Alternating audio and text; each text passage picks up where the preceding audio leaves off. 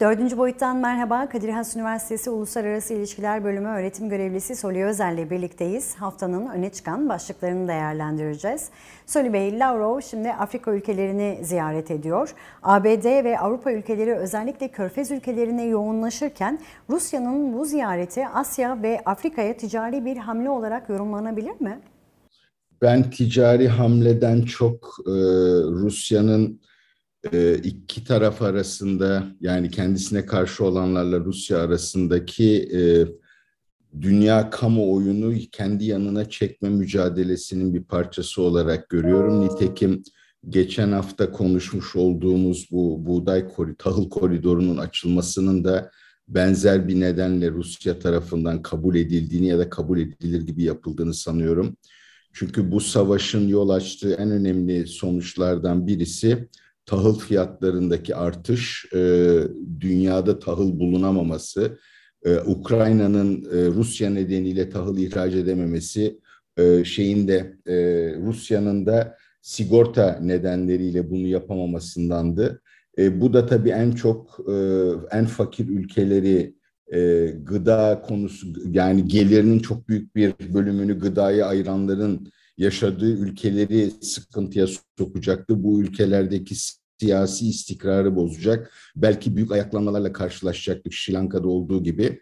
Ruslar e, bu işlerin sorumlusunun kendileri olmadığını göstermek istediler ya da bu konuda sorumlu davranmak istediklerini gösterdiler. Tahıl anlaşmasının bir boyutu buydu. Bence Afrika ülkelerine yapılan ziyaretinde sebebi budur. Sonuçta biliyorsunuz Rusya'nın işgali BM'deki ülkelerin üçte ikisi tarafından kınandı ama e, çok azı e, Batı'nın koymuş olduğu ambargo rejimine de dahil oldu. Dolayısıyla benim bakışım bu yoksa bu saatten sonra e, ne, ne satabilecekleri ne al, alabilecekleri çok fazla şey olduğunu sanmıyorum Afrika'da. Lavrov'un Afrika ziyaretiyle devam edelim Soli Bey. Mısır'da yaptığı önemli bir konuşma vardı en önemli hedeflerinin halkı kabul edilemez rejimden kurtarmak olduğunu söyledi Lavrov. Oysa ki operasyonun ilk günlerine baktığımızda Ukrayna'da rejim değiştirmek gibi bir planımız yok açıklamaları yapılıyordu. Şimdi bu gelen açıklama ile birlikte 5 ayı geride bırakan bu operasyonda hangi senaryoları beklemek gerekir Soli Bey?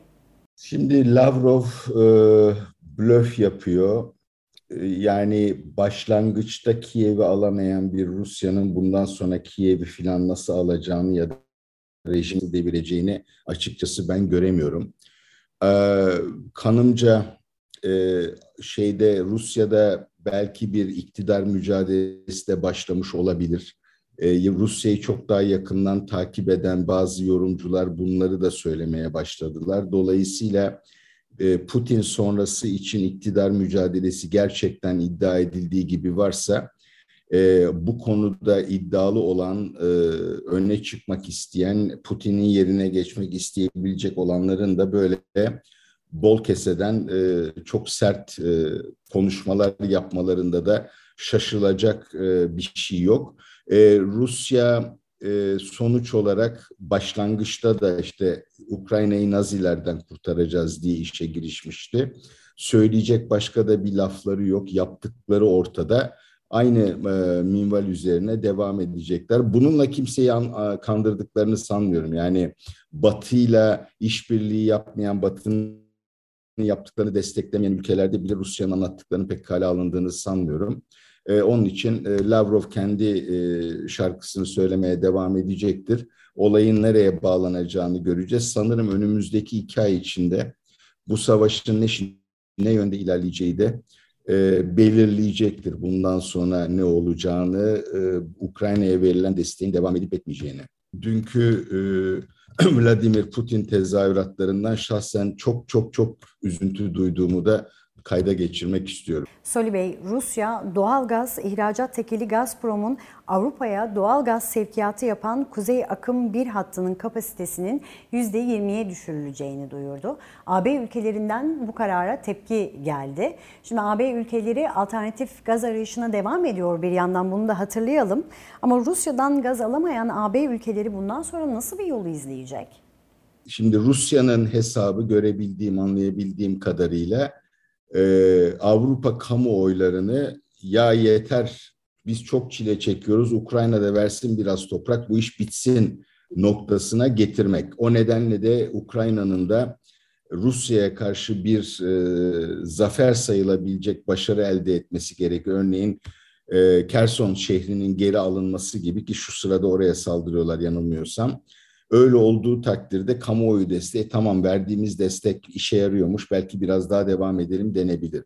Yoksa işte soğukta e, yaşlılar ölecek, e, ısıtamayacağız, sanayimiz e, enerji bulamayacak vesaire diye Avrupa'da e, Rus Rus gazına bağımlılığın yaratmış olduğu sıkıntılardan yararlanarak kamuoyunun baskısıyla hükümetleri de Ukrayna'ya destek vermekten ve Rusya'ya karşı politikaları uygulamaktan vazgeçirmeye çalışıyorlar. Bu hesabın tutup tutmayacağını bilmiyorum. E, aşil topuğu Avrupa'nın gerçekten de budur. E, bir, bir karar verdiler. Her ne kadar Orban her zaman olduğu gibi mızıkçılık ettiyse de ve çok istisna varsa da yüzde on beş kısıtlayacağız e, tüketimimizi dediler. E, Valla Ruslar e, büyük bir kumar oynuyorlar çünkü bunda başarılı da olabilirler ama olamadıkları takdirde de nasıl Ukrayna'yı bir millet haline getirdilerse Avrupa Birliği'ni de birlik içinde hareket edebilen bir güç haline getirecekler gibi gözüküyor. Kadir Has Üniversitesi Uluslararası İlişkiler Bölümü öğretim görevlisi Soli Özel dördüncü boyutta yorumladı. Haftaya görüşmek dileğiyle.